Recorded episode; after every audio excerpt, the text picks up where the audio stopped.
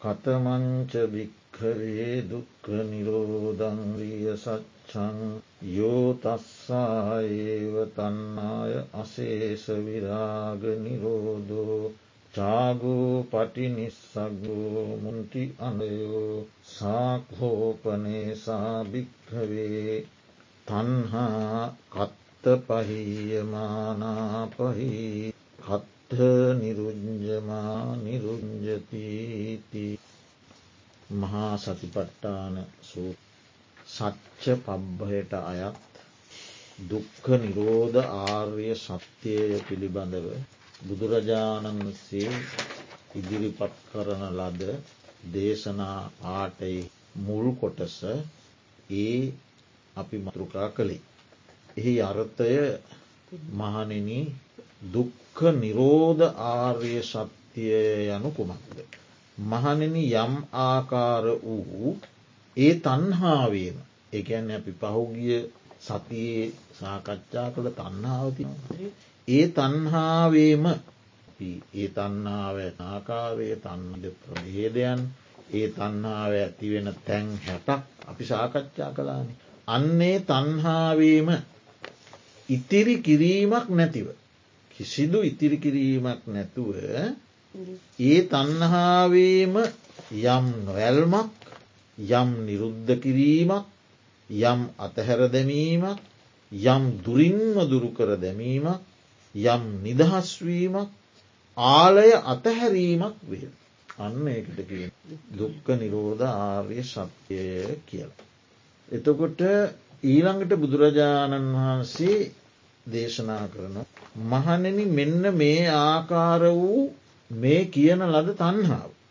ප්‍රහාණය වන්නේ නම් ප්‍රහාණය වන්නේ කොතැන් හිද. නිරුද්ධ වන්නේ නම් නිරුද්ධ වන්නේ කොතැන් කියලා ඒ පස්සේ දිගටම නාව ගෙනියනවා. එතකොට දැම් මෙතන තියෙනවා වචන කීපයක් මොකක්ද ඒ අසේෂ විරාග නිරෝධ චාගු පටිනිශ්සන් මුත්ති අනාලයෝ. මේ වචනවලින් කියන්නේ මේ නිර්වාණයටම කියන සමානවාචී පද පර්යාය පද නිර්වාණයටම ගත හැකි වචන. නිර්වාණය ගැන මේ කියන්න. තන්නාව නිරුද්ධ කිරීමන නිර්වාණය. ඒ නිර්වාණය හඳුන්වන්නට යොදන වචන කීපයක් තමයි. නාම පද කීපයක් තමයි ඒ දක්වන්නේ. එතකොට බලමු අපි සමානවාචී පරියාය නාම පද අසේෂ විරාග නිරෝධ. තන්හාවේම අසේෂ විරාග නිරෝධය. එකන අසේෂ කියන්නේ ඉතිරි කිරීමක්. ශේෂයක් නෑ. ශේෂ කියල කියන්නේ පිතිරි කිරීම ශේෂ එම ශේෂයක් නෑ කියන එක. අශේෂ යෝ තස්සා ඒව තන්හාය අශේෂ විරාග නිරෝධ. ඒ කියන ලද තන්හාවේම ඉතිරි කිරීමක් නැතිව. ඉතිරි කිරීමක් නැ. විරාග යම් නොයලීම ඒ තන්නහාවම නොයලීම. ඉළඟට නිරුද්ධ වීමක්. නිරුද්ධ වීමක් යන විනාශ කිරීමක් විනාශ වීයාම. නැවතීමක්. ඒ තන්හාාවම නවතිනවා. නිරුද්ධ වෙනවා. කියන එකයි. එතකොට දැන් ඒ අපි විරාග නිරෝධ කියනටික තේරුම් ගන්න අශේෂ කියන්න ඉතිරි ඇතිව. ආර්ය මාර්ගයෙහි ගමන්කොට නිර්වාණ අවබෝධයක් සමඟ හරි ආර්ය මාර්ගයේ ගමන්කොට නිර්වාණ අවබෝධයක් සමගම මේ තන්හා මුළුමනින්ම ශය වෙලා යන. අය තන්නහාවේදී කිසිම ඉතිරියක් මුළුමනි මුල්ලුම් මනින්ම දුර වෙලා යන. ඉතිරි කිරීමක් නෑ කියන්නේ එක. ශේෂයක් නෑ. ඒකයි ඒකින් කියන්න. එතකොට එක තාව පැත්තකින් ඉතිරි නොකොට කියන එක තව පැත්තකින් අර්ථ දක්ව පුළුවන් දැන් අපේ මේ තන්නාවේ තියෙනවනේ මතු පිට සහ අනුසය කියල දෙක. අපි අර මුලින් ඉගෙනගෙන තියෙන්නේ තදංග වික්කම්බන සමුච්චේද අනුසය ආදී වචන එතෝට අනුසය කියලා කියන්න මේ යටපත්ත කර. එතෝට එහෙම කාමරාග බවරාග දෙකම යටපත්ව පවතින්ට පුළුවන්. කාමරාගයක් තියෙන්ට පුළන් බවරාගයක්. එතෝට අනුසය අවස්ථාව පවා ඉදිරලා යන. ඒ අටපත් වූ තක් තෘෂ්ණාව යටපත් වූ කාමරාගයක් යටපත් වූ භවරාගයක්වත් තා ඉතිරි වෙන්නේ නෑ.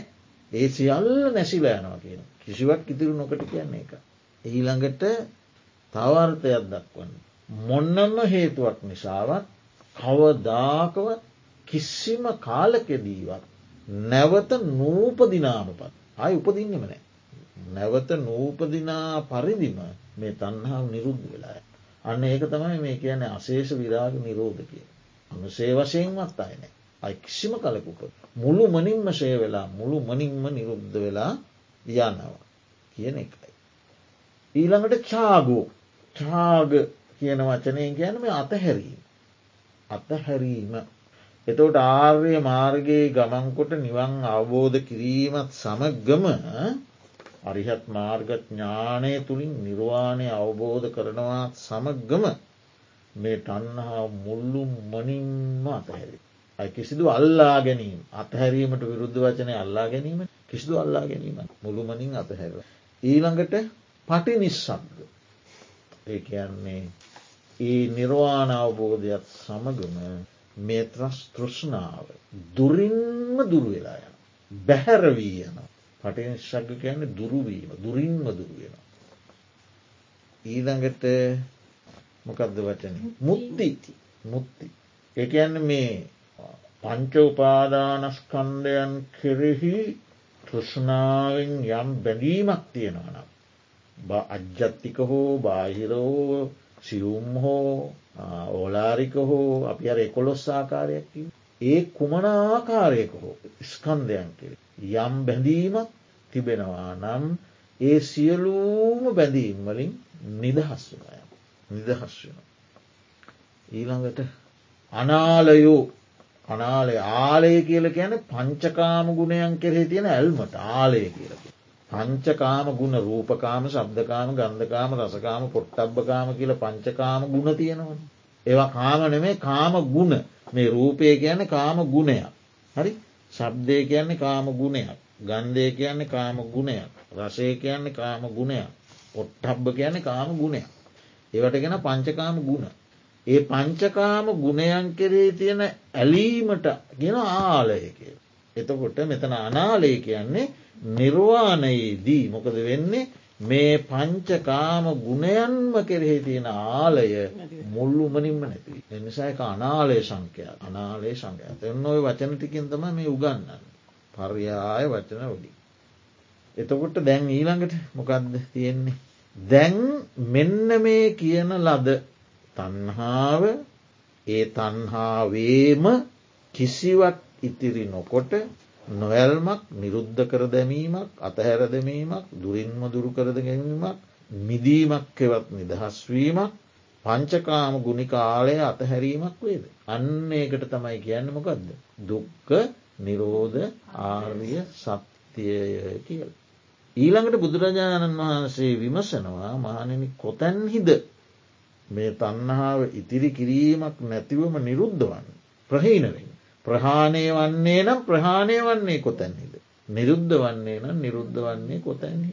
ඉතිං අද අපි ඔව එතනින්මයි. සමුදය සත්‍යයේදී අපි කිව හැටාකාර ඇස නාසය දීව කය මනස් රූප සබ්ද ගන්ධ රස ස්පරස දම්ම චක්කු විඤ්ඥාන සෝත විඤ්ඥාන ගාන විඥාන ජිවහා විඥාන කාය විඥාන මනෝඥාන චක්කු සම්පස්ස සෝත සම්පස්ස ගාන සපස්ස ජිව්වා සම්පස්ස කාය සම්පස්ස. ඊළඟට චක්කු සම්පස්සජ වේදනා සෝත සම්පස්සජ වේදන හැම වේදනාහය. ඊළඟට චේතනාහය. ඊළඟට මොකක්ද විතක්කහය. තන්නහාහය විතක්කහය විචාරහය. අන්නේ හැට. ඒ හැට ආකාරයේ හැට තුළ තමයි. එකන්නේ ඉන්ද්‍රියහය අරමුණුහය විඤ්ඥානහය ස්පරසාය වේදනාහය සංඥාහය චේතනාහය තන්නාය විතක්කහය විචාරහය. ආං ඒ තැන් හිදිමයි. ඒ තන්නාව ඇතිවෙන තැන් හිදීමයි තන්නාව නිරුද්ධ වන්න. වෙන තැනකට ගිහිල්ල නිරුද්ධ කරන්න බෑ. හරි. ඒ ඇතිවෙන තැන්හිදීම තන්නාව නිරුද්ධ වෙනවන නිරුද්ධ වෙන ප්‍රාණය වෙනවනම් ප්‍රාණය කියල බුදුරජාණන් වහන්සේ මේ සූත්‍ර දේශනාවේදී ඉදිරිපත් කර. යම් තැනක තන්හාාව ඇතිවන්නේ ද ඒ තැන් හිම තන්හාාව නිරුද්ධවීම තමයි දුක්ක නිරෝධාර්ය ශක්තිය කියල කියන. එතවට තන්හා නිරෝධයත් එක්ක අන් සියල්ලම නිරුද්ධ තව තියෙනවන යම් කෙලෙස් ඒ සියලු ක්ලේෂයන් නිරුද්ධ වියන්. එක තමයි නිර්වාණ දුක්ක නිරෝධාර්ය ශක්ති. එතවට දැම් මේ තන්නහාාව නිරුද්ධ කිරීම හෙවත් නිවන හැඳින්වීම සඳහා. බුදුරජාණන් වහන්සේ තවත් පර්යායනාම පද රාශිය සංයුක්ත නිකායේ අසංකත වග්හයේ දේශනා කරලා තියෙන. ඊට කලින් අපි බලමු දැම් මේ අපි මෙතෙක් ඉගෙන ගත්ත දැම් මේ තන්හාාව හටගන්නේ තර හැට තුළ නිරුද්ධ වන්නෙත් ඒ හැට තුළ දැ මෙන්න මේ කාරණය තවත් අපි සූත්‍ර දේශනාවකින් කොහොමද මේකට අදාළව සූත්‍ර දේශනාවකින් අපි කොහොමද මේක තේරුම් ගන්න. ඔන්න බුදුරජාණන් වහන්සේ දේශනා කරනවා අංගුත්තර නිකායේ චතුක්ක නිපාතයේ දේශනාවක් ඒ දේශනාව බොහෝම වටිනෝමිකාරණය අපිට තියෙන සඳහා මතක රෝහිතස්ස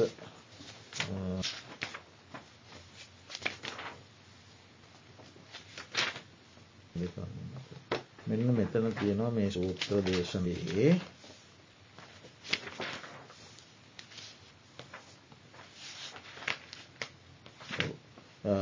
එක් සමයෙක්කි භාග්‍යවතුන් වහන්සේ සැවැත්නුවර සමීපහි ජේතවන නම් වූ අනේපිඩු සිටියුගේ අරම්හි වැඩවසන සේක. ඉක්බිති රෝහිතස්ස දෙව්පුත් රෑ බෙහෙවින් ඉක්මගිය කල්හි මනහර වරණයෙන් මුළු ජේතවනයේ කළුකොට ආලෝකමත් කොට භාග්‍යවතුන් වහන්සේ වෙත එළඹියේ. එළඹ භාග්‍යවතුන් වහන්සේ වැඳ එකත් පසක සිටියේ. එකත් පසක සිටි රෝහිතස්ස දෙවිපුත් භාග්‍යවතුන් වහන්සේට මෙසේ සැලකවේ. වහන්ස යම් තැනක නූපදනේද උපදින් නැත්නම්. යම් තැනක නොදිරන්නේද. නොමියන්නේද. අපරාපර ප්‍රතිසන්ධි වශයෙන් නූපදේද නේද. වහන්ස පියගමනින් ඒ ලෝකයාගේ කෙලවර දක්නට වේවයි දන්නට වේවයි පැමිණෙන්න්නට වේයයි හැකිවේ. එකැන් මෙ අහන්නේ යම් තැනක උපදින්න. යම් තැනක දිරන්නේ නැත්. යම් කැනත කැනක මැරෙන්නේ නැත්නම්. හරි චුත්ති ප්‍රතිසන්ධි වශයෙන් උපදින්නේ වෙන මෙතනින් චුත වෙලා ප්‍රතිසන්ධි වශයෙන් උපදින්න නම්. අන්න ඒ තැනට ඒ තැනට ඒ ලෝකයාගේ කෙලවරට මේ පියවර ගමනින් යන්න පුළුව මේ ගමන් කරන පියවර තියෙන ඇවිදගෙන එහෙම ඇවිදගෙන යන්න පුළුවන් දහනු ඇතෙන්. නොදිරණ තැනට නොමියන තැනට උපදින්නති තැනට. ඉතින් බුදුහාමුදුරුව දේශනා කරනවා ඇවැත්නි යම් තැනක නූපදීන නොදිරන්නේද නොමියන්නේද අපරාපර ප්‍රතිසන්ධි වශයෙන් උපදින්න නූපදින්නේ එකන්න චුති ප්‍රතිසන්ධි වශයෙන් නූපදින්නේද. එතැනට පියගමනින් යත හැකියයි පියගමනින් ගිහිල්ලා ඒ කෙලවර දත්තු යුතුයයි දැක්ක යුතුයයි පැමිණිය යුතුයයි මම කියන්නේ. උපදින් නැති දිරන්න ඇති මැරෙන්නේ නැති තැනකට පියවර ගමනින් ගිහිල්ලා. එතන දකිින්ඩ පුළුවන් එතෙන්ට අන්ඩ පුළුවන් කියලා මම කවදාවත් කියන්නේ. ඕ දැම් මේ අහන්න නිවන ගැන නිවන ගැන උපදින් නැති දිරන්න නැති මැරෙන්න්න ඇති තැනට. මෙම පියවර ගමනින් යන්ඩ පුළුවන්ද කියලා බුදු හාමුදුරුව කියනවා කවදාකවත් එතෙන්ට පියවර ගමනින් යන්න බෑ. එහෙම ගිල්ල දකිින්ටත් බෑ. හරිද? වහන්ස ආශ්චර්යය අත්භූතය දැන් එතකොට දෙවියන් කියනවා දේව පුත්‍රයා කියන රෝහිතස්ස දෙවිපුත් ආශ්චර්යය අත්භූතයි බොහොම සුභාසිත වචනයක්.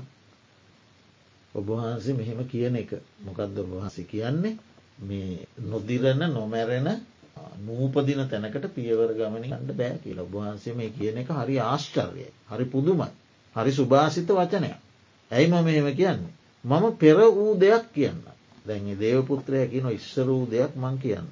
මම බෝජ පුත්‍ර වූ රෝහිතස්ස නම් ඉරුද්ධිමත් ආකස් ආකාශචාරී ඉරුෂිවරයෙක් වෙලා හිටිය. හරිද? බෝජපුත්ත නම් එයාගේ නම බෝජපුත්ත රෝහිතස් නම් ඉරදිමත් ආකාශයෙන් යන්න පුළුව රිෂිවරයෙක් වෙලා මං හිටිය. ඒ මට මෙබදු ජවයක් විය මගේ ජව සම්පන්න බව මෙහෙමයි. දොළොස් වසක් තුළ දුනු සිල්පයෙහි හික්මුණ. ඒ දුනු සිල්පය මනාව ක්‍රියාත්මක කරන්න හැකි. දනුරුදරයෙක් දුනු ශිල්පයෙක් දනුර්ධරේ ඉතාම සියුම් ඊතලයකින් ඉතාම සියුම් ඊතලයකින් තල් ගෙඩියක් විද ඉතා සියුම් විදල ඉක්මුවන්ඩ පුළුවන්නම් එවැනි ඉරදිමත් භාවයක් මට තිබ්බ. පෙරදිග මුහුදින් පෑලදිග මුහුද යම් පරිදි වේද එපරිදි වූ දුර වූ පියමාරු කිරීමක් විය. එකන මුහුදේ මේ පැත්ත තියෙනවන නැගෙනහිරට බස්නාහිර තිය. නැගෙනහිර වෙරල තීරේ ඉඳලා බස්නාහිර වෙරල තීරයට එක පියවරකින් යන්න පුළුවන්. ඒ තරන් ඉරුදියක් මට පුළුව. හරි ඉතින් මෙබැදු ජවයකින් යුක්ත මෙබඳු පියමාරු කිරීමකින් යුක්ත මට මෙහෙම ආශාවක් ඇතිවකක්ද පියවර ගමනින් ලෝකයාගේ කෙලවරට පැමිණෙන්ට.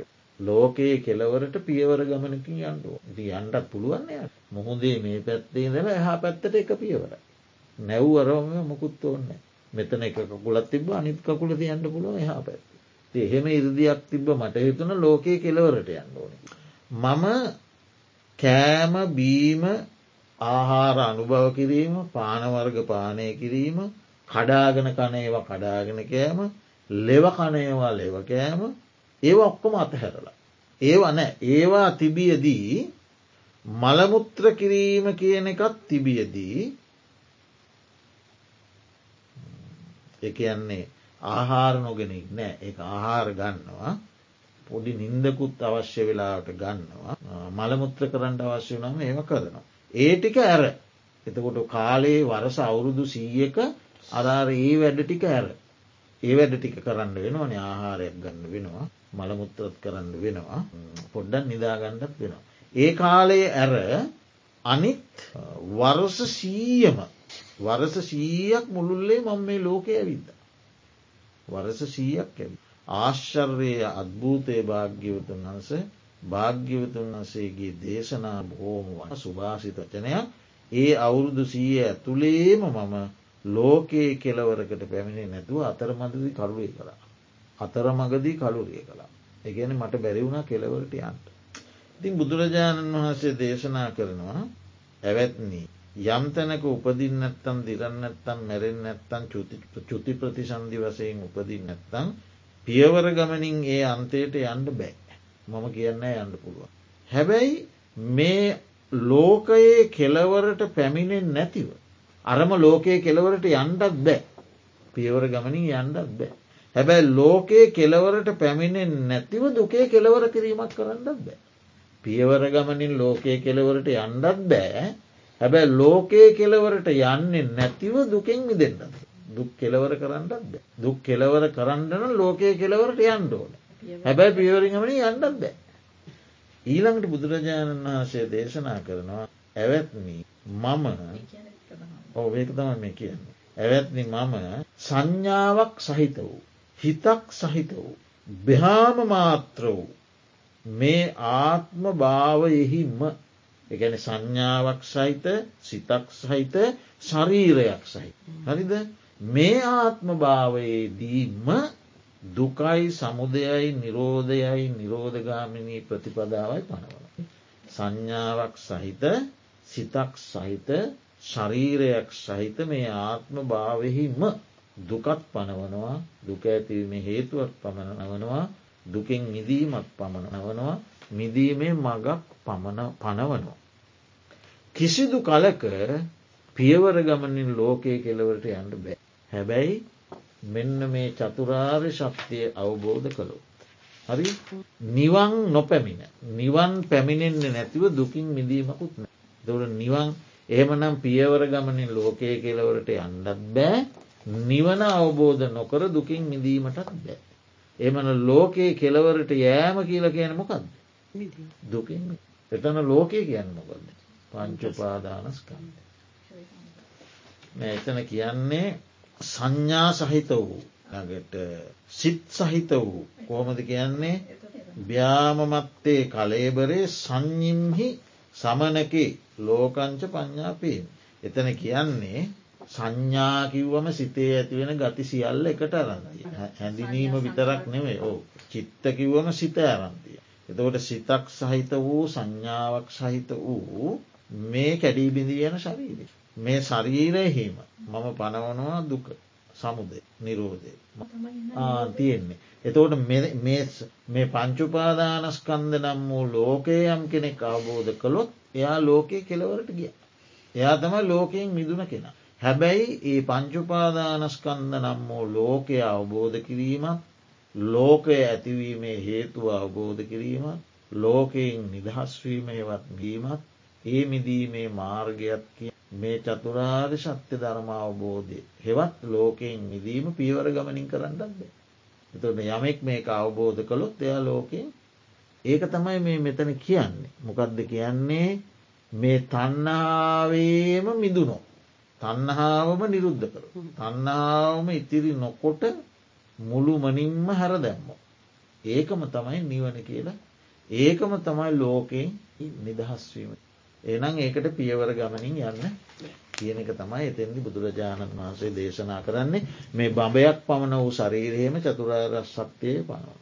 ඉතිං අපි ඔය මුළු මහත් ලෝකයම අල්ලගෙන දගලන නිසා අපිට කවදදාව ලෝකයෙන් අපි අවබෝධ වෙන්න අපි ලෝකයෙන් මිගීමකුත් වෙන්න. නමුත් අපේ ඉතින් තාමත් ලෝකයට බැඳිලා ඉන්න බාහිර ලෝකේ. නිවන තියෙන්න මේ උපාදානස්කන්ද ලෝකයේ තුළ මිදීම තියෙන්නෙත් පැ හට ගැනීම තියෙන්නෙත් හට ගැනීම හේතුව තියෙන්නෙත් නිරුද්ධ කිරීමේ මාර්ගය තියෙන්නෙත් කියන එක තමයි එයින් පැහැදිලි වෙන්න. ඉලාට අටුවාවේ කියනවා ඇවැත්නි. මේ චතුරාර්ය සත්‍යය තන අතු රිකිලි මල් කොල ආදී අපි මේ බාහිරවතින් ඒවා තුළ ඇතැයි නෝදාරම ඒවා තුළ මේ චතුරාර්ය සත්‍යය තියෙනවා කියලා වදාරන්න ඇද පුටු කොට්ට මෙලි ගහකොල් ඒත් තන කාෂ්ට ආදිහි චතුරාර්ය සත්‍යය ඇතැයි නෝදාරම. ධාතුමාත්‍ර වූ මේ ශරීරෙහිම ඇතැයි වදාර. චතුරාර්ය සත්‍යය තියෙන්නේ ධාතුමාත්‍ර වූ මේ ශරීරයමයි. එහනම් තම තමා තුළ හටගන්න රුෂ්නාව නිරුද්ධ කිරීම තමයි වන ශාක්ෂාත් වෙන. එතවට නිවනට තියෙන නිර්වාණය පිළිබඳව තියෙන අසංකත වග්ගයේ තියෙන අසංකත සංයුක්තයේ තියෙන නාම පරියාය නාම. එක අසංකත. කියන්නේ සංකත කියන්න හේතුවකින් හටග. හේතුවකින් හටගත්තහෙක ලක්ෂණ තුනක්. ඉපදීමත් තියෙනවා විනාශයක් තියනවා පැවැත්ම තුළ වෙනස් වී තින දැන් අපි පැවැත්මක් කියර දකිනවන මේ පැවිත් පැවැත්මුලත ටිතස්ස අ්‍යතත්ත. අපි මේ පැවැත්ම කියන අල්ලගෙන ඉන්න එක තුළ තියෙන්නේ නිතරම විපරිනාමයක් වෙනස් වී. ඒ සංකතයක ලක්ෂණ හේතුවකින් හටගත්ත දේක තියෙන ලක්ෂණ තුන. ඉපදීමක් සහ විනාශයකුත් පැවැත්මක් තුළ පැවැත්ම කියලා හිතන් ඉන්න දෙයක් තුළ නිරන්තර වෙනස්වීමක් විපරිනාම. එතෝට නිවන අසංකතයි. නිවනේ හටගැන්මකුත් නෑ විනාශයකුත් නෑ පැවැත්ම තුළ වෙන විනාශයක් කියන දෙකුත් නෑක නිසා නිවන අර සංකතයන්ට හම්පු සාත්පසින් වෙනස්. එනිසා අසංකත. රාගක්කය දෝසක්කය මෝහක්කයි ඔන්න නිවනට කියන පර්යාය. රාගය ශයවී. නිවනේදී රාගය ශය වෙන. අයිතිරියක් නෑ දවේශය මෝහය ශයවීයාම. අන්ත නිවනට කියන නම අන්ත ගැන තෘෂ්ණාවේ කෙලවර. සඳා පැවත්මක් නැහි කෙලවර. අනාශව ආශ්‍රවයන්ගෙන් දුරූතැන් අපි ආශ්‍රව දන්නවන කාම බව දිට්ටිය විද්‍ය ඒ ආශ්‍රවයන් රහිතයි. ආශ්‍රවයන් නැති තැන. සච්ච පර්රම සත්‍යය පරමාර්ථ සත්‍යය පාර. අපාර කියල කියෙන සසර. පාර කියල කියෙන සසරේ පරතෙර. සසරෙන් පරතෙරට ගිය. නිපුණ. ඉතාම ශියුම් ධර්මය. ශියුම් ධර්මය. සුදුත් දස දකින්නට ඉතාම අපහසු. දකිින්ට උත්සාහ කරත් වෙන මොකක් කරේවිල්ල කඩා වැටින ඒක ඔක්කොම වහලද පහුගේ සති දෙක තුනේ වහලම දැම මොකක්වත් කරන්නද. දකින්නට ඉතා අපහසු. අජර නොදිරන මේ අනිත් ලෞකික ධර්ම සියල්ලම දිරනවා. නිවන අජරදරම් නොදිරනද. දුව දුව දුව කියන්නේ ස්තිර ස්තිරයි නිත්‍යයි දොර ලෝකයේ තියෙන අනි සියල්ලම අනිත්‍යයි. ලෞකික සියල්ලම අනි. නිර්වාණය දුහයි ස්තීරයි නිත්‍යයි. අපලෝකිතයි. ලෝකයේ තියෙන සියල්ලම නැසෙනවා ලෝක කියන්නේ නැසෙනවා. ලෝක මේ ඔක්කොම ලෝක ඔක්කොම නැසෙනදී. නිවන අපලෝකිත නොනැසෙන දහම. අනිදස්සන ඇසිං දකින්න බෑ. නිවන මේ ඇස් දෙකෙන් දකිින් අනිදස්ස. නිප්ප පංච තන්නා මාන දිට්ටිවලට කියන ප්‍රපංච ධර්ම. ඒ තන්නාමාන දිට්ටි කියන කිසිදු ප්‍රපංචයක්න. ප්‍රපංචයන්ගෙන් මිදු. සන්ත එකන බොහෝම ශාන්ත ධර්මය. අමත නොමැරෙන දහම. මරණයෙන් මිදුන තැන. පනීත ඉතාම උතුම් ඉතාම උසස් දහම. සිව බය නැති බයෙන් මිදුන තැන. ඔය බය විසිපහක් තියෙනවා. ඒ පස් විසි බයෙන්ම මිදුන තැන. කේම ආරක්ෂා සහිත තැන. කේම භූමි. ආරක්ෂා සහිත. තන්හක්කය තන්හායශය වූත. අච්චරිය බොහොම ආශ්චර්යමත්. ඊළඟට අබ්භූත. එකටත් අර ආශ්චර්ය කියන වචනයම තමයි ගැලපෙන්නේ නමුත් අටුවාවේ කියන්නේ පුදුම පුදුම ආශ්චර්යමත්. නමුත් ආශ්චර්යමත් හැම තැනම දැකිය නොහැකි ආශ්චර්ය සිදුවීම් කියන අභූත සිදුවීම කියල කියන්නේ ඒ වගේ. නමුත් මෙතන අභූත කියලා අකුවාව කියන්නේ හට නොගත්. භූත කියනවනේ හටගත් භූත දම්ම කියල කියන හටගත්තම භූතද හටගත්. නිවන අභූතයි හට නොගත් දහම්. අනීතික දුක් නැති නිදුක්. අනීතික දම්ම නිදුක් ස්වභාවයෙන් යුක්. නිබ්බාන බාන වාන කියන්නේ තෘෂ්ණෝට තෘෂ්ණාව නැති තෘෂ්ණා රහිත. අභ්‍යාපජ්ජ දුක්රහිත විරාග රාගයෙන් තුර නොයල්නු. සුද්ධි පරම විසුද්ධිය පරම පවිත්‍ර මුත්ති කාම බවනෑ කාම රූප අරූප භවත්‍රයෙන්ම මිදුර. බවත්‍රයෙන්ම මිදුර බව තුනෙන්ම මිදිල කාම බව රූප බව අරූප ඔක්කු. අනාලය අර මුලින්කි කාමාලයෙන් තුොර. දීප පිහිට දීප කියන පිහිට නිවන තමයි සසරට තියෙන එකම පිහි වෙන පිහිටක් නෑ. ලේන ආරක්ෂක ස්ථානය රැකවරණය ලැබෙන එකම තැන. එකන මුළු සංසාර දුකින්ම රැකවරණය දෙන එකම තැන. සරණ බිය නසන දහම. පරායන පිහිට කොට ඇති දහම. පරායන ධර්මය පිහිට ඉගැන්නේ සියලූම සංසාරික දුක්ක දෝම නස්යන්ගෙන්ම මිදිලා ඇති එකම පිහිට. එතකොට අට්ට කතාවේ දක්වන්නේ ගසක් කපලා විනාස කිරීමෙන් ගසක් කපල විනාවීමෙන් ඒ ගසෙහි මත්තු හටගන්නට ඇති මල් මතු හටගන්නට ඇති කොල මතු හටගන්නට ඇති ගෙඩි මතු හටගන්නට ඇති පැල එසිියල්ලම විනාශ ගසක් කපල මුළුත් එක්ක කපල සියල්ලම සුද්ධ කල්ල විනාශ කල්ල දැම්මම ඒ මොහොතේ විනාශයක් විතරන්න මේ වෙන. ඒ ගහ නිසා මතු හටගන්නට ඇති මල් කොල ගෙඩි මුල් සියල්ල විනාශ. ඒ වගේ මේ තෘෂ්ණාව විනාස වුණා ෘෂ්ණාව නිරුද්ධ වුණාම ඒ මොහොතේ නිරෝධයකුත් නිරෝධයක් තම. මතු හටගන්නට තියෙන සියලු දුක් සියල්ලම දැන් දුක් විතරක්න මේ නිරුද්ධ. හටගන්නට තිබෙන දුක් සියල්ල. ඊළඟට තාව වචන තුනත් තියෙන සුං්ඥත අනිමිත්ත අපපනිහිත. ඒ කියන්නේ ශුන්්‍ය වශයෙන් ශූන්‍යතාවේ නිමිති නැති බව. රාගාදී නිමිති නෑ. ඊළඟට අපනිහිත සුඥ්ඥත අනිමිත්ත අපනිහිත ප්‍රනිදි නෑ පාර්ථනා නෑ අපනිහිත පොඩිපොතර අපනිහිත පාර්ථනා නැති ශුන්්‍ය වූ නිමිති රහිත වූ පාර්ථනා නැති. එතන කියන්නේ ඔය ඒ තුනෙම්ම කියන්නේ අනිත්‍ය දුක්කනාත්ම තිරක්ෂණය පිළිබඳ. අපනිහිත ඊළඟට සෝපාදිශේෂ අනුපාදිශේෂ. උපදි කන්ද උපදි අභිසංකාර උපදි එම උපදීන් තියෙනවන. ඒ උපදී සෝපාදිශේෂ කියල ගැන උපදි සහිත එකන යම් කිසි කෙනෙක් සියලුම කෙලෙස් නසලා දැන් ක්ලේෂනෑ තන්නාවත් නිරුද්ධ කරලා කෙලෙස් සට ගැනීමක් නෑ. නමුත් මේ ස්කන්ධ පංචකේ පරිහරණය කරන්න වෙනවා පිරිනිවන් පානතෙක්. දැන් කෙලෙස් පිරිනිවන් පාල ඉවරයි.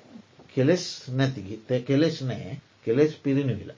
හැබයි මේ ස්කන්ධ ඉතුරු වෙන මේකට බඩගින්න පිපාසය දානවා දාඩියද නිදි මත දැන.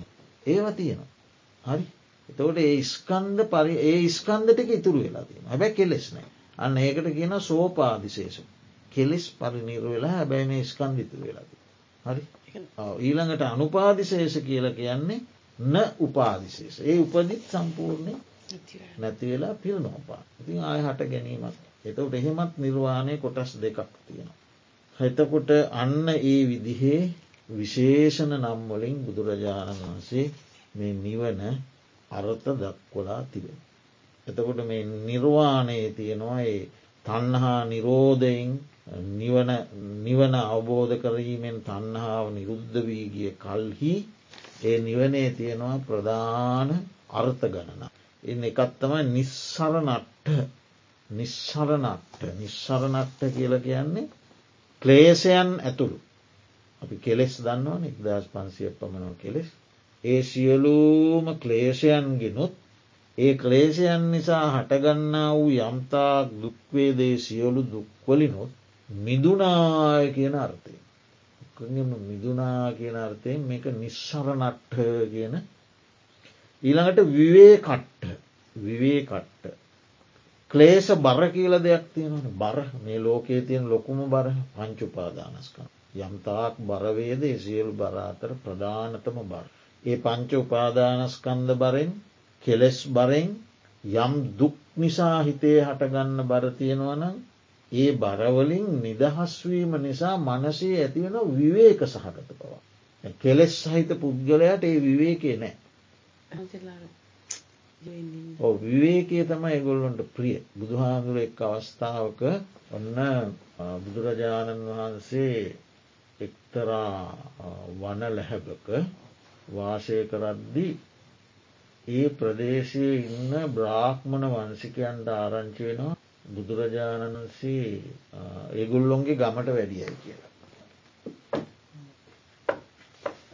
භාග්‍යවතුන් ඒ ඒ බමුණු ගෘහපතියෝ සාකච්ඡා කරනවා අපේ ගමට ශ්‍රමණ බවත් ගෞතමය ඇවිල්ලලු හරි එතකොට අපි භාග්‍යවතුන් වහන්සේ මුණගැහන්ඩ යම් කියල කතා කරලා ඒගොල්ලු බුදුරජාණන් වහන්සේ මුණගැහන්ඩ එනවා. ඇවිල්ල බොහෝම මේ ඒගොල්ලු මේ බොහොම හඬ නගා බොහොම හඬනගා කතා කරන්න පටන් ගන්න. හඬනගල කතා කරනකොට බුදුරජාණන් වහන්සේ බුදුරජාණන් වහන්සේ නොමේ තියන සුත්‍රේ. ඒ කාලෙ බුදුරජාණන් වහන්සේ කෝසල ජනපදේ සංචා චාරිකා කර. චාරිකා කරනකොට ඉච්ඡානංගල නම් බ්‍රාහ්මණ ගාමයට වඩින. ඉච්ඡානංගල. තින් බුදුරජාණන් වහන්සේ එක්තරා වනල හැබක වාසය කරන. එතකොට මේ බ්‍රාහ්මණ ගෘහපතියොන්ටේ ගමේ ඉන්න එගොල්ලොන්ට ආරංචි වෙන ශාක්‍ය පුත්‍ර සමන බවත් ගෞතමය. ශාක්‍යය කුලේ නික්ම පැවිදි වෙලා ඉච්චානංගලයට වැඩලලු. උන්වහන්සේ අරිහත්තු සම්මා සම් විද්‍යාචරණ සොවිදියට බුද්ධ එගොල්ලු කිය. ඉතිං අපි ඒ වගේම උන්වහන්සේ පිළිබඳ මහත්තු කීර්ති ගෝසාාවක් පැතිරලා ගෙන සමාජය. දෙවියන් මරුම් බඹුන් සහිත ලෝකයේ මහන බමුණන් සහිත දෙවි මිනිසුන් සහිත මේ ලෝකයම විශිෂ්ට ඥානයෙන් අවබෝධ කරගනුලු ඉන්නේ. උන්වහන්සේ මුල මැද අග යහපත්ව ධර්මය දේශනා කරනවලු. අපිත් දියන් උන්වහන්සේ දැකීම බොහොම වටින දෙයක්. කියල මේ බමුණෝ කන බොන බොහෝ භෝජනයනුත් අරගෙන මේ වනසන්ඩයට ආවා. ඇවිල්ල ඒ වනසන්ඩයට ඇතුල් වෙන දොරකොට දොරකොටුවක් තියෙනවා. ඒ දොරකොටුවෙහි හයියෙන් කතා කරන. උත්සන්ඩ මහා හඬ ඇතිව දැන් ඉන්නවා. කණබොන ජාතිත් ඇරගෙන ඇවිල්ල. එතකොට බුදුරජාණන් වහන්සේට උපස්ථාන කරන්නේ නාගිත.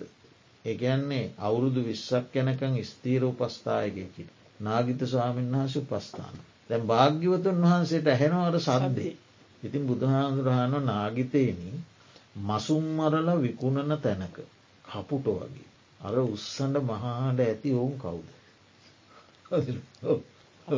කවුද කියලා අහනවා. එතවට කියන වහන්ස භාග්‍යවහන්ස ඉච්චානංගලවාසී බ්‍රාහ්මණ ගෘහපතියෝ. බොහෝ කණ බොන දේ අරගෙන.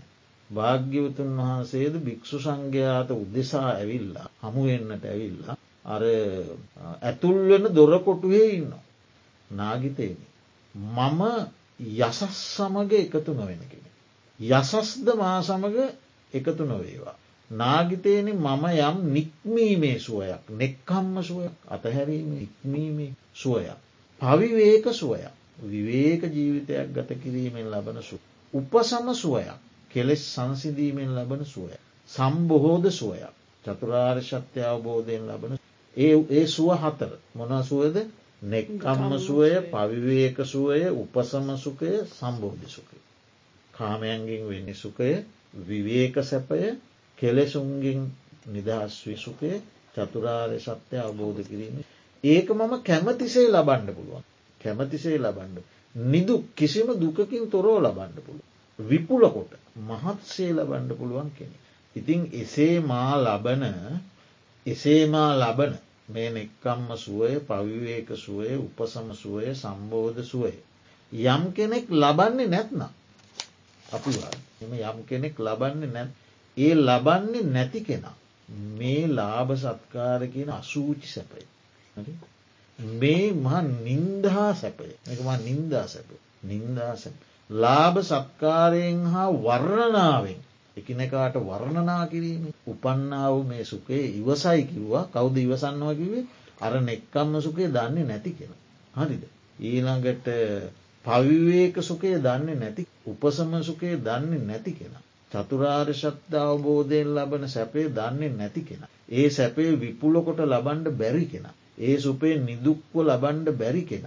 ඒ සුපේ ඒ සුකේ කැමතිසේ ලබන්ඩ බැරි කෙනා ඉවසයි කිව්වා මේ අසූචි සැපේ. නින්දා සහගත සැපේ. මේ ලාභ සක්කාර වර්ණනා කියන සනාගිත හාමුදුරුව කියනවා සුගතයන් වහන්සේ යම් දිනක භාග්‍යවතුන් වහන්සේ යම් තැනකට වඩිනවා බමුණෝද ගෘහපතියෝද ඒ ගම්වල ඉන්න නියම්ගම් වැසියන්ද දනව් වැසියන්ද ඒ භාග්‍යවතුන් වහන්සේ වැඩිය පැත්තට නැබුරු වෙන. හරියට මහ පොද ඇති වැහි වැටෙනකොට ඒ වැටෙන වතුර පාරවල් අර නිම්න භූමිය. ඒකන්නේ භූමිය මෙහෙම නැමිලා තියෙන පහත් පැත්තට. වතුර ගලාගෙන යන පැත්ත. නිම්න භූමියටන වතුර ගලන්න. උඩට ගලන්නේන අන්න ඒ වගේ. වැහි වතුර නිම්න භූමියයට ගලනවා වගේ භාග්‍යවතුන් වහන්සේ වැඩියම බමුණු ගෘහපතියෝ ගම් දනව වැස්සෝ භාග්‍යවතුන් වහන්සේට නැබුරු වෙනවා. ඒ මොකක් නිසාද? භාග්‍යවතුන් වහන්සේගේ සීලේ හා ඥානය ජනප්‍රිය. ජනයාට ප්‍රිය නිසා. භාග්‍යවතුන් එතෙන්දිත් නැවත බුදුරජාණන් වහන්සේ දේශනා කරන අරටිකම නාගිතයන යසස මා සමග එකතුනවා මාදය අසසම ඒවා කියලා අරටිකම දේශනා. ඒ ඒ අපවිත්‍ර සුකේ නින්දා සුකේ ලාභ සත්කාර වර්ණන සුකේ ඉවසයි කිව්ව අර සුක ලබන්ඩ බැරි කෙනෙ මට එහෙම ඔන්න ඇකි. ඊළඟට කියන බනාගිතයන මේ කණ දේවල් බොන දේවල් කඩාගෙන කණ දේවල්වල. ඒවලින් පලය මහවටන් සහ සුළුවටන් මහවටන් සහ සුළුවටන් ගැන මළමුත්. ඒ කන බොන කඩාගෙන කන හපා කන ඒ දේවල් වල පලය තමයි අසූචි මුත්‍ර. ඊළඟට කියනවා නාගිතයන ප්‍රියයන්ගේ විපරිනාමයෙන් අන්‍යතා භාවයෙන් සෝක පරිදේව දුක් දුම්න්නස් උපායාස උපදිනවා. ඒ ප්‍රියභාවේ පලය ප්‍රියභාවයෙන් ලැබෙන පලය තමයි ඒ ප්‍රියන්ගේ විපරිනාමේ සෝක පරිදේව දුක් දුම්න්නසුපු. නාගිතය අසුභ නිමිත්තේ යෙදුන කෙනාට සුභනිමිත්තේ පිළිකුල් බවපද. යම් කිසි කෙනෙක් අසුභය නිමිත්තක් වසයෙන් අසුභය අරග ඒ අසුභය හොඳට වැඩියොත් එයාට සුභ නිමිත්තේ පිළිකුල් බව ඒ අසුභ නිමිත්තේ පලය.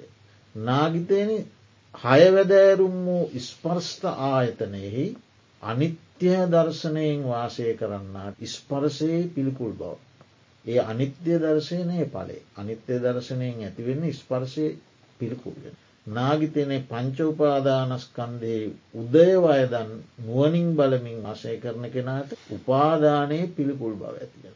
උදේවය දැකී උදයව්විය ඥානයෙන් වෙනමකක්ද උපාදාන කිරීමේ පිළිකුල් බ. කියල දේශනා කළා. මේකටම අදාළ තව දෙයක් තියෙනවා ඒත් තියෙන තැන ඒත් මේ වගේම සූත්‍රයක බුදුරජාණන් වහන්සේ මේ විදිහටම මෙනා කල්ලා අන්තිමට නාගිතයන ඉදුරුව හෝ අගිතයන තැන මට එකවර ඉන්න නැහැ අදහස. නමුත් එතන තියෙනවා මෙන්න මෙහෙම කතන්තරයක්. අතවැස්සෙක් දෙවැන්නෙක් නැතිව දෙවැන්නෙක මගට බැහැල තනිවින් අඩුම තරමින් ඒකාල පහින්න වැඩම කළේ. දෙවැන්නෙක් නැතුව තනිව ගමනක් යනකුට. අතවැස්සෙක් දෙවැන්නෙක් නෑ. හුද කලයි. විවේකයි ජීවි හුද කලාව තනිව ඒ වැඩීමෙන් ලැබෙන අනිත් පල කෙසේ වෙතත් අපි ඒ මං අතින්දානක නිත් පලාපියෙන් ලැබෙන පල ප්‍රයෝජන ගක් තියෙනවන ඒ පල ප්‍රයෝජන බුදුනාදුරෝ කතා කරලා නෑ එතන. අඩුම තරමින් මළමුත්‍ර කිරීමත් පහසුයි. පහසු රාගින්වත් බාධාවක් ඒ විවේකය එහෙමයි. එතකොට දැම්ම අපි ආව මේ විවේකය ගැන කතා කරන්න. එතකොට නිවනේ තියෙනවා විවේ කට්ට. විවේ කට්ටය කියල කියන්නේ කෙලෙස්වලින් දුක්වලින් නෑ ක්ලේෂයන්ගෙන් හටගන්න දුක්කොලින් හටගන්න පංචෝපාදානස්කන්දයෙන් හටගන්න යම් බරක්තිය. ඒ බරෙන් මුළුමනින්ම නිදහස්වීමෙන් ලැබෙන මහා විවේක සුවයක්. නිර්වාණය තිය. අපිට අපිට හිතාගණ්ඩ තියා දැන් අපිට අනුමාන කරන්න පුළුවන් මෙහෙම. පෞගිය දවස්වල අපිට තියෙනවා රට ගැන හැඟීම. ජාතික හැඟීමක් අපිට තියෙන. ඒ හැඟීම නිසා අපිට කොච්චර ධර්ම මාර්ගය අතහැරුණ. අපි කොච්චර පත්තර බලන් ප්‍රවෘතින් අපේ හිත්වල ඇලීම ඇති කර. කොච්චර දවේශය ඇති කර ගැටීම ඇති කර. ඒක අපේ හිත්වලට කොච්චර බරක් වුණා අපි මහ බරක්න ඔල්ුවේ තියන් හිටි දැන් ඔන්න චන්ද ප්‍රතිඵලය වලින් පස්සේ බර ටිකක් අඩුවෙලා මේ නමුත් අපිට අනුමාන කරන්න පුළුවන් එක බරක්කය එතවට ඒ ඇයි අපි බැඳී හිටිය යම්දකට යම් අරමුණකට රටකට හෝ මොගක් කර අපි බැඳීම. එතකොට ඩන් එක නිදහසන අපි. දැන්නෑනේ බර ඒ ඒ චන්ද කාලෙ තිබුණ බර දැන් අපේ ඔළුවේ නෑ. දැන් අපි නිදහස්. දැන් අපි ඒක ප්‍රතිඵල ගැන කතා කරන අර බරනෑ ඒත් කෙලෙස්නේ.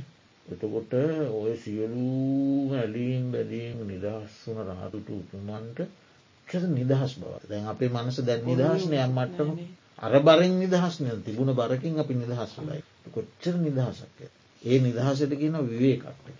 ඊළඟට අසංකතට්ට සංකතයක ස්වභාවය මුලින් කිවේ දිරණ බව බිඳෙන බව මැරෙන බව වෙනස් වෙන බව විනාශවයන බව කුහෙන බව කැඩෙන බව පළුදුවෙන බව හරි තමා අයත් නොවන බව අනුන්ට පැහැරගණ්ඩ හැකි බව උදුරාගණ්ඩ හැකි බව විනාශ කරන්නට හැකි බව කපන්ඩ කොටන්ඩ වෙඩිතියන්ට හැකි බව ඒ ඔක්කොම සංකතයක සුබ.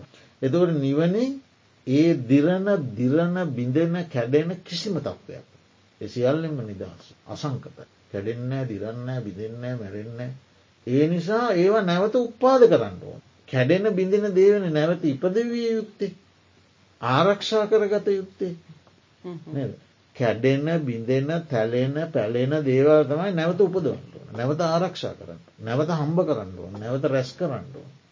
නිවනේ මොකක්වත් ඕන්නේ කැඩෙන බිඳෙන කිසිවක් නැති. නිවන කෙලින්ම අසංකතත්තයි එක අලුත් කරන්න දෙකුත් සංකතවල තමයි අලුත් කරන්න ඕන නැවත නැවත අලුත් කර එහෙම අලුත් කරන්න ඕන්නේ ඒ නිසා අසංකත ඒ වගේම අමතට්ට අමතට්ට කියන්නේ සංකතවල ස්වභාවයක්න මැරණ එක බිඳිලා අතුරු දහන් වෙලා යන නිවනේ එහෙම බිඳීමක් අතුරු දහන්වීමක් මරණයක්.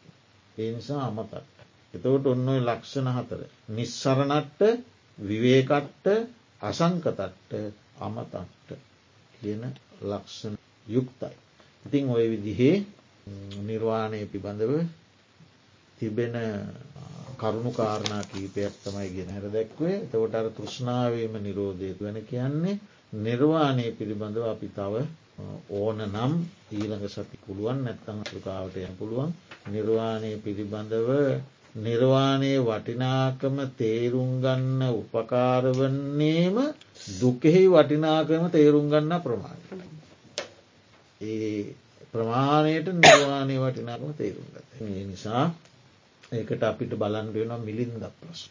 එහෙමනම් අපි මිලින්ද ප්‍රශ්නය ඇසුරෙන් තව දවසක නිර්වාණය පිළිබඳව මිලිදුන වහන්සේ නාගසේන මහා වහන්සේ මිලිදු රජතුමා අතර සංවාධාක සාකච්ඡා කරමු අද දවසේ උපදවාගත්ත කුලක්තිය අපටත් අපනමින් පරව නිර්වාණ සුවසාන්තය පිට ආකා සට්ටාජ මට්ටා දේවානඥන්තන් අනුමෝදිත්වා චරන්තිය එත්තාවතාචම්මේ සම්පතම් පුුණ්්‍ය සරද්ද සින්දියා ඉදම් මේ ඥාති නංසුකිතාහන්තු ඥාතයෝතු සුකිතාහන්තු